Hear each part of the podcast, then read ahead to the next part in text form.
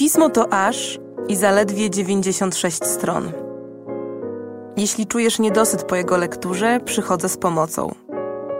Oto podcast a propos, w którym polecam co przeczytać, co obejrzeć i czego posłuchać, aby poszerzyć swoje horyzonty i wiedzę. Zapraszam, Zuzanna Kowalczyk.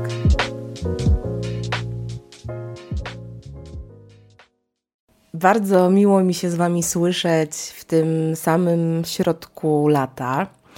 Mam nadzieję, że włączyliście ten odcinek w jakichś miłych okolicznościach. Jeśli nie przyrody, to może chociaż w spokoju i na przykład przy otwartym na oścież oknie, albo w podróży, czyli wyglądając za okno, w wersji, w której zdaniem niektórych podcasty słuchają się najlepiej. Jeśli tak właśnie jest, jeśli słuchacie teraz tego odcinka w podróży, to myślę, że temat tego odcinka będzie Wam wyjątkowo bliski, ponieważ tym razem opowiem trochę o poleceniach a propos odpowiedzialnej, nieodpowiedzialnej turystyki. I ktoś może powie, że to nieszczególnie odkrywcze mówić o turystyce w wakacje, ale mam poczucie, że ugryźliśmy w piśmie ten temat w naszym sierpniowym numerze od nieco innej strony, od takiej strony trochę szerszej refleksji nad tym, jak turystyka wpływa na nas i na świat, a dokładniej jak wpływa na miejsca przeważającej mierze z turystyki żyjące albo na miejsca po prostu szczególnie licznie odwiedzane, które właśnie w związku z tym masowym, tłumnym napływem turystów niestety coraz częściej są też zadeptywane. Bo wbrew pozorom nie jest to kwestia ani łatwa, ani oczywista, jak tym współczesnym podróżowaniem zarządzać, zwłaszcza w dobie ogromnej dostępności podróży, w dobie rosnącej globalizacji i tego, że tak naprawdę w większości przypadków z perspektywy zachodniego społeczeństwa i na przykład klasy średniej, no tak naprawdę już nie ma praktycznie takich zakątków na Ziemi, albo jest ich bardzo mało, do których nie bylibyśmy w stanie dotrzeć. No i tak naprawdę oceniając to zjawisko, trzeba pogodzić się z tym, że ta ocena będzie bardzo nie czarno-biała, bo bardzo ciężko jednoznacznie wskazać, jak te masowe podróże na nas oddziałują i zważyć, czy więcej jest tu plusów czy minusów, choć oczywiście w kontekście na przykład ekologicznym tych minusów na pewno jest ogromna pula. Ale właśnie, patrząc na takie miejsca, które w dużej mierze z turystyki żyją, no to ciężko też nawet w ich obrębie wskazać, kto właściwie na przykład za nieodpowiedzialny charakter tej turystyki odpowiada. No bo można zrzymać się na przykład na deweloperów wielkich hoteli, że i to akurat słusznie można się na to zrzymać, rujnują bardzo często lokalną przyrodę. No ale też jednym z argumentów jest to, że narzucają swoją hegemonię w regionie, i to oczywiście też jest zasadna pretensja, natomiast nierzadko zdarza się, że dzięki nim mieszkańcy rejonów poza wielkimi aglomeracjami w uboższych częściach świata mają w ogóle szansę dostać pracę. Z drugiej strony można zrzymać się na rządy, które w takim razie tym rynkiem pracy nie zarządzają zbyt sprawnie, i z drugiej strony to one właśnie powinny chronić miejsca i obiekty szczególnie cenne historycznie lub przyrodniczo, czyli cenne z punktu widzenia turystyki.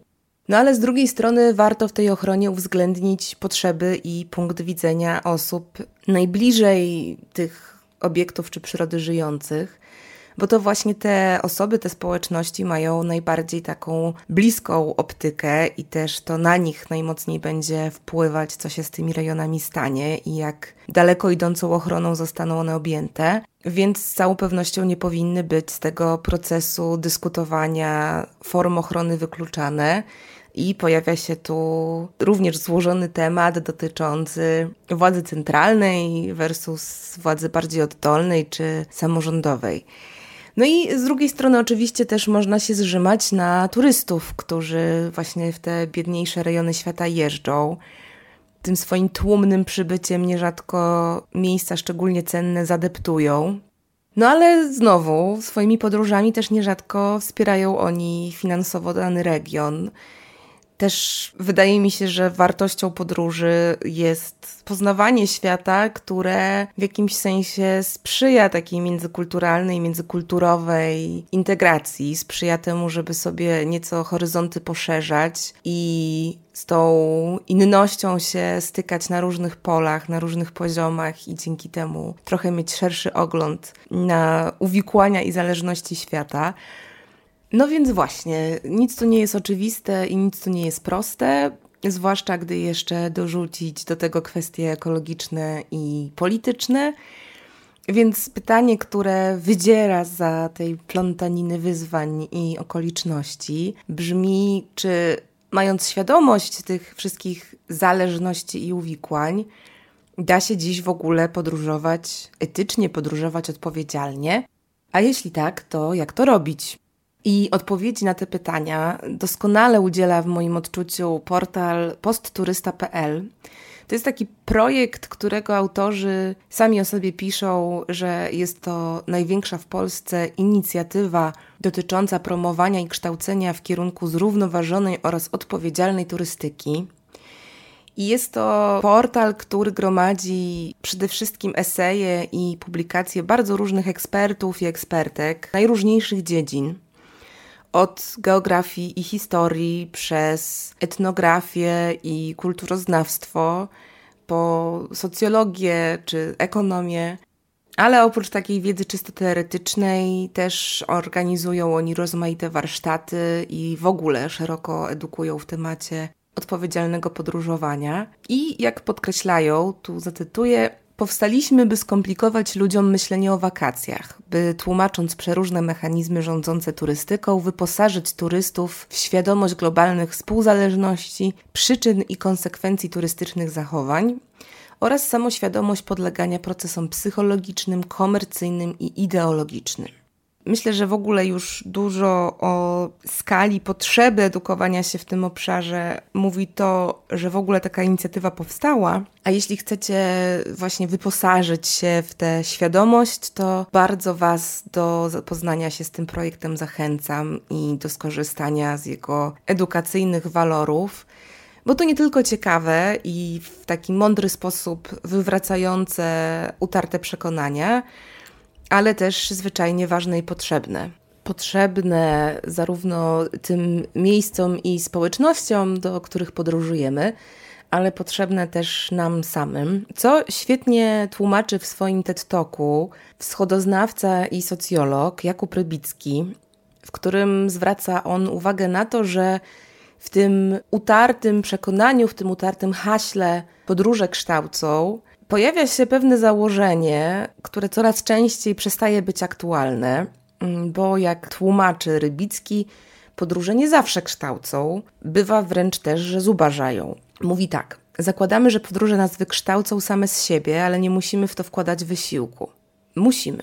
No i ma na myśli oczywiście to, że podróżując bezrefleksyjnie, te podróże same z siebie niczego wartościowego ani rozwijającego nam nie dadzą że aby naprawdę dogłębnie poznawać miejsce, do którego przyjeżdżamy, a nie tylko tę jego komercyjną zasłonę, to trzeba jednak podjąć pewien wysiłek. Tak jak trzeba podjąć wysiłek, aby dowiedzieć się, jakich działań w danym miejscu należy unikać, tak aby wiedzieć, jak swoją obecnością, swoją podróżą unikać wyniszczania lokalnych ekosystemów, czy stwarzania jakichś zagrożeń albo wyzysków w stronę lokalnej społeczności. Czy na przykład jak traktować kulturę, którą staramy się poznać, z szacunkiem i bez takiej skłonności do jej orientalizowania lub zawłaszczania, i o tym właśnie swego rodzaju Biblię, Biblię takiego odpowiedzialnego podejścia do poznawania innych kultur, napisał Edward Said. To jest teoretyk literatury i krytyk kultury, który był, co nie bez znaczenia dla tematów, które podejmuje, Amerykaninem palestyńskiego pochodzenia, który zrewolucjonizował, czy też może lepiej obnażył sposób, w jaki zachodnie społeczeństwa patrzą na te miejsca na świecie, które w swojej historii wcześniej kolonizowały. Ta jego Biblia, też po prostu ważna książka, nosi tytuł Orientalizm. Jest to książka o tym, jak właśnie z racji swojej kolonialnej przeszłości ten zachodni sposób myślenia o najczęściej wschodzie jest przesiąknięty bardzo wyraźnym poczuciem wyższości. I to takiej wyższości, która jest tym bardziej niebezpieczna, że bardzo często ubierana jest w pozór absolutnego obiektywizmu, czyli taki pozór, że tak po prostu jest. No bo to zachodnie narracje też najmocniej przebijają się w tym globalnym obiegu. To one ten globalny obieg w dużej mierze definiują. Jak Set pokazuje, ta zachodnia kultura ma tym samym tendencję bardzo często do zawłaszczania historii i w ten sposób też bardzo często egzotyzowania innych kultur, czy też opowiadania tych kultur w tym szerszym obiegu za te kultury. Co zdaniem Seda jest jednym z fundamentów tego współczesnego nastawienia zachodnich społeczeństw przeciwko inności, czy też rozbudzania strachu, na przykład przed islamem, ale też na przykład y, służy to kreowaniu określonego stosunku Zachodów do Syrii, Libanu czy Iraku. I w ten sposób Zachód dokonuje w swojej postawie względem Wschodu takiego działania wręcz ideologicznego, jak to ujmuje Sed. To znaczy, poprzez orientalizowanie i podtrzymywanie stereotypów na temat obcych kultur, podtrzymuje de facto nad nimi swoją dominację, a niekiedy, no właśnie, budzi względem nich wręcz poczucie wrogości. I widać to chociażby po tym, co Marysia Złonkiewicz, współzałożycielka zresztą portalu posturysta.pl, nazwała w ramach swojego TED Talka, którego bardzo Wam polecam, nosi on tytuł Postturystyka, koniec turystyki, jaką znam. Nazywa ona to figurą białego odkrywcy czy białego wybawiciela i pokazuje, jak obie te figury, choć może wydają się pozornie nieszkodliwe, to naprawdę realnie i w niewyobrażalnie dalekim stopniu kształtują właśnie współczesne relacje międzykulturowe i to podejście zachodnie do niezachodniej części świata. Chociaż oczywiście już podział na zachód i wschód jest arbitralny, to znaczy jest przez to, co my rozumiemy na Zachodzie pod pojęciem Zachodu, przez Zachód i Wschód uznawane. I to podejście, które tak rozumiany Zachód y, względem reszty świata pokazuje, tak naprawdę utrwala właśnie tę silnie orientalizującą inne kultury hierarchię. Bo tak naprawdę, jak o tym pomyślicie, to skoro jest odkrywca, to musi być też odkrywany. Skoro jest wybawiciel, to musi być wybawiany. A więc jest to taka bardzo konkretna hierarchia, bardzo konkretny podział ról. A na to wszystko nakładają się jeszcze bardzo stereotypowe konotacje z miejscami, z rzeczami, doświadczeniami opisywanymi właśnie jako egzotyczne na przykład, czy jako dalekie, i które celowo pokazywane są w taki sposób, aby przede wszystkim podkreślać różnice, no bo właśnie te różnice są dla turystów szczególnie ciekawe i to te różnice najłatwiej jest sprzedawać. A to, że to w dalszej konsekwencji nierzadko prowadzi do patrzenia na te inne kultury z góry i z perspektywy inności, no to jest rzecz, która może nam bardzo łatwo umknąć.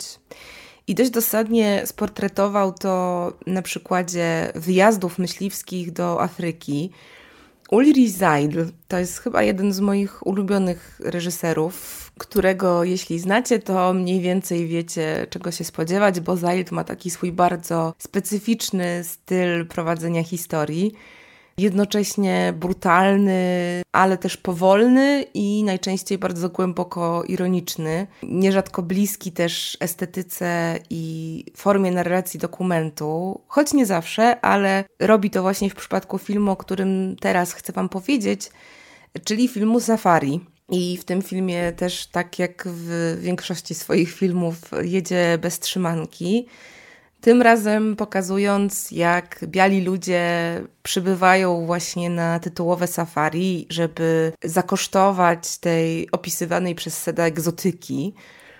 Ale w takiej wersji właśnie dość dobitnej, bo w wersji z jednej strony kontrolowanej, bezpiecznej, bardzo komercyjnej i sztucznie zaaranżowanej, a z drugiej strony w wariancie tak naprawdę pełnym przemocy i takiej ekspresji nieposkromionej władzy, bo chodzi przecież w tym całym przedsięwzięciu o, o zabijanie zwierząt. Ale też brutalne jest to nierzadko, jak traktują tych oprowadzających ich przewodników, którzy na te wyprawy ich zabierają, i jak ta hierarchia jest widoczna i wyraźna. Zajk jest tak naprawdę najbardziej jeszcze znany z swojej trylogii zatytułowanej Raj. To są trzy filmy kolejno zatytułowane Raj Wiara, Raj Miłość i Raj Nadzieja. I w tym kontekście postkolonializmu pomyślałam, że polecę Wam jeszcze seans filmu Raj Miłość, bo jest to również historia, która rozgrywa się w Afryce. Tyle, że w kompleksie wielkiego hotelu, który w jakimś sensie przypomina taką wręcz warowną twierdzę, bo przebywający w tym ośrodku turyści jeśli w ogóle wychodzą poza granice obiektu, obiektu, który oczywiście jest taką bezpieczną, bardzo sztucznie zaaranżowaną przystanią, to jeśli te przystań opuszczają, to najczęściej pod nadzorem obsługi albo na własne ryzyko i właśnie w ogóle ta atmosfera ryzyka jest tu nie bez znaczenia. I też w tym sensie jest to taka brutalna ilustracja tych nierówności i, i tego też myślę, co Rybicki określał mianem podróży, które nie kształcą, bo właśnie sprzedają tylko takie jednakowe widokówki, zaaranżowane pod oczekiwania turysty i w żaden sposób nie sprzyjają poznawaniu się z tą inną kulturą. Ale ta historia Zajdla idzie dalej, to znaczy jednak poza ten hotel wychodzi, ale w stronę nadal dość nieoczywistą, bo koniec końców jest to opowieść o dojrzałych kobietach, które przyjeżdżają z zachodniej Europy w jakimś sensie dla seksturystyki. Przyjeżdżają po to, żeby sypiać za pieniądze z młodymi lokalnymi chłopakami. I cały ten złożony system w soczewce Zajdla się mieści, choć też w dużej mierze w takich niedopowiedzeniach, które mocno dają do myślenia. Bo z jednej strony jest tu bardzo silna hierarchia władzy wyznaczana właśnie zasobnością portfela, ale jest też jakiś taki gigantyczny głód tej tytułowej miłości i jakaś taka ogromna też samotność tych turystek, które po ten seks przyjeżdżają. No generalnie Ulrisia Zajdla bardzo Wam polecam, ale tak też sobie myślę, że po takich seansach, a już zwłaszcza po seansie safari, może się pojawić taka myśl, jak właśnie nie stać się jednym z bohaterów takiego filmu w prawdziwym życiu. I w tym obszarze, w roli edukatora, sprawdza się doskonale publikacja Sylwii Kulczyk i Agnieszki Bajtynger – to jest publikacja wydana przez Polską Akcję Humanitarną, która nosi tytuł Świadomi i Pomocni w stronę odpowiedzialnej turystyki, przykłady z Nigru i Sierra Leone. Można te publikacje pobrać za darmo ze strony Pachu i bardzo Wam to polecam.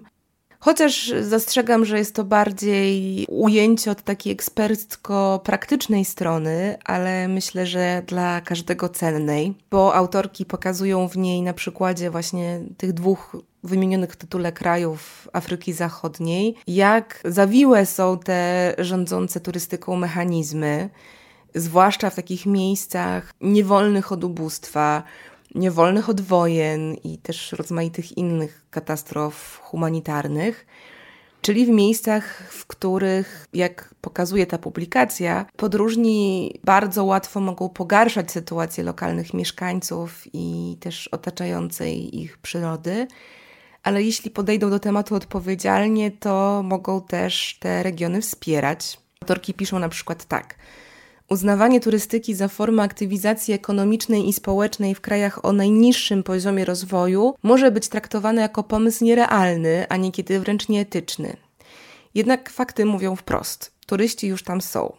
No i właśnie, a skoro są, to raport ten pomaga uzmysłowić sobie, na jakie aspekty ten świadomy turysta, świadomy podróżny powinien być szczególnie uważny, aby zminimalizować te szkody, które potencjalnie może wyrządzić. Bo jak piszą Kulczyk i Bantyngier, za zyski z turystyki trzeba często słono płacić. Przykłady jej negatywnego wpływu na społeczeństwo i środowisko naturalne można mnożyć bez końca. No ale właśnie, można też pomyśleć o tych zyskach odpowiedzialnie i do tego ta publikacja zachęca, a ja też zachęcam zaraz za nią. Podobnie jak zachęcam do lektury całego sierpniowego numeru pisma, w którym najmocniej polecam Wam świetny tekst Uli Jabłońskiej zatytułowany Ciżba, który opowiada właśnie o tym, jak się w tym tłumie turystów odnaleźć, gdy samemu ten tłum współtworzymy. To znaczy, jak dostrzegać te wszystkie zależności i uwikłania, ale nie unikać też przy tym dostrzegania w tym procesie własnej roli, własnego udziału i też z jakich zagrożeń i szans powinniśmy sobie w tym kontekście odpowiedzialnych podróży zdawać sprawę. A jeśli nie macie do tego tekstu i do innych naszych tekstów dostępu, to też bez zmian przypominam Wam, że z kodem apropo możecie kupić dostęp online do pisma na preferencyjnych warunkach, do czego bardzo mocno Was zachęcam. Zwłaszcza, że to, co w tekście Uli Jabłońskiej podoba mi się chyba najbardziej, to właśnie ta ludzka strona szukania rozwiązań i odpowiedzi, bez popadania w takie nierealne skrajności, haseł, które z góry byłyby nierealizowalne, czyli też bez takiego moralnego oburzenia tam, gdzie rzeczywistość nie jest czarno-biała i też tam, gdzie jednak ten nasz głód podróży nie jest prowadzony tylko do nieetycznego i brutalnego zawłaszczania świata. Bo oczywiście można, tak myślę, po wielu tych poleceniach pomyśleć, że problemem samym w sobie jest turystyka, że jedynym rozwiązaniem naprawdę odpowiedzialnym byłoby zaprzestanie podróży. Ale oczywiście takie zero-jedynkowe podejście mnoży jeszcze kolejne ryzyka i wątpliwości, na przykład właśnie takie zupełne już odizolowanie się od innych kultur i zabicie takiej ciekawości świata, która jest bardzo cenna. Więc może należałoby jednak powiedzieć, że problemem nie jest podróżowanie per se, ale jego nieodpowiedzialne oblicze choć niemniej, jeśli w jakimś nawet niewielkim stopniu przemawiają do Was te argumenty za ograniczaniem swoich turystycznych eskapad, to polecam Wam przejrzeć krótką książkę. To jest książka Pico Iera, zatytułowana Sztuka bez ruchu, która powstała w takiej serii TED Books. To są takie krótkie książki, które tak naprawdę są spisaną formą wypowiedzi TED Talkowych. I jest to w tym przypadku sztuki bez ruchu taki właśnie należałoby powiedzieć bardziej zbiór przemyśleń pisarza i podróżnika, który po wielu latach podróżowania i zwiedzania świata doszedł ostatecznie do wniosku, że największą przygodą jest zatrzymanie się w miejscu. I tłumaczy to tak, że, zacytuję krótko, w epoce ciągłego ruchu nie ma nic ważniejszego niż siedzenie w miejscu. No i to jest rzeczywiście taka optyka w kontrze, pisująca się zresztą w taki nurt namawiający, jeśli już, to do takich małych, lokalnych podróży i lepszego, głębszego poznawania własnych okolic, które często mamy zresztą dużo mniej odkryte niż najdalsze rejony świata.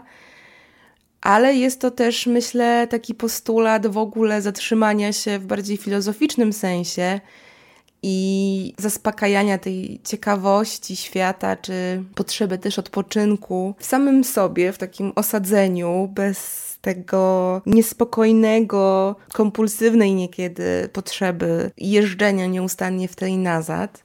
I myślę, że osobiście i zachęcam, i zamierzam praktykować obie te postawy. Oczywiście odpowiedzialnie, do czego i Was zachęcam i bardzo Wam jak zawsze dziękuję za dosłuchanie tego odcinka do końca. Mam nadzieję, że teraz letnio macie całą masę wspaniałych, ale odpowiedzialnych i dogłębnych podróży. Jak zawsze przypominam Wam o kodzie zniżkowym na dostęp do pisma o treści a propos I jak zawsze żegnam się słowami do usłyszenia niebawem.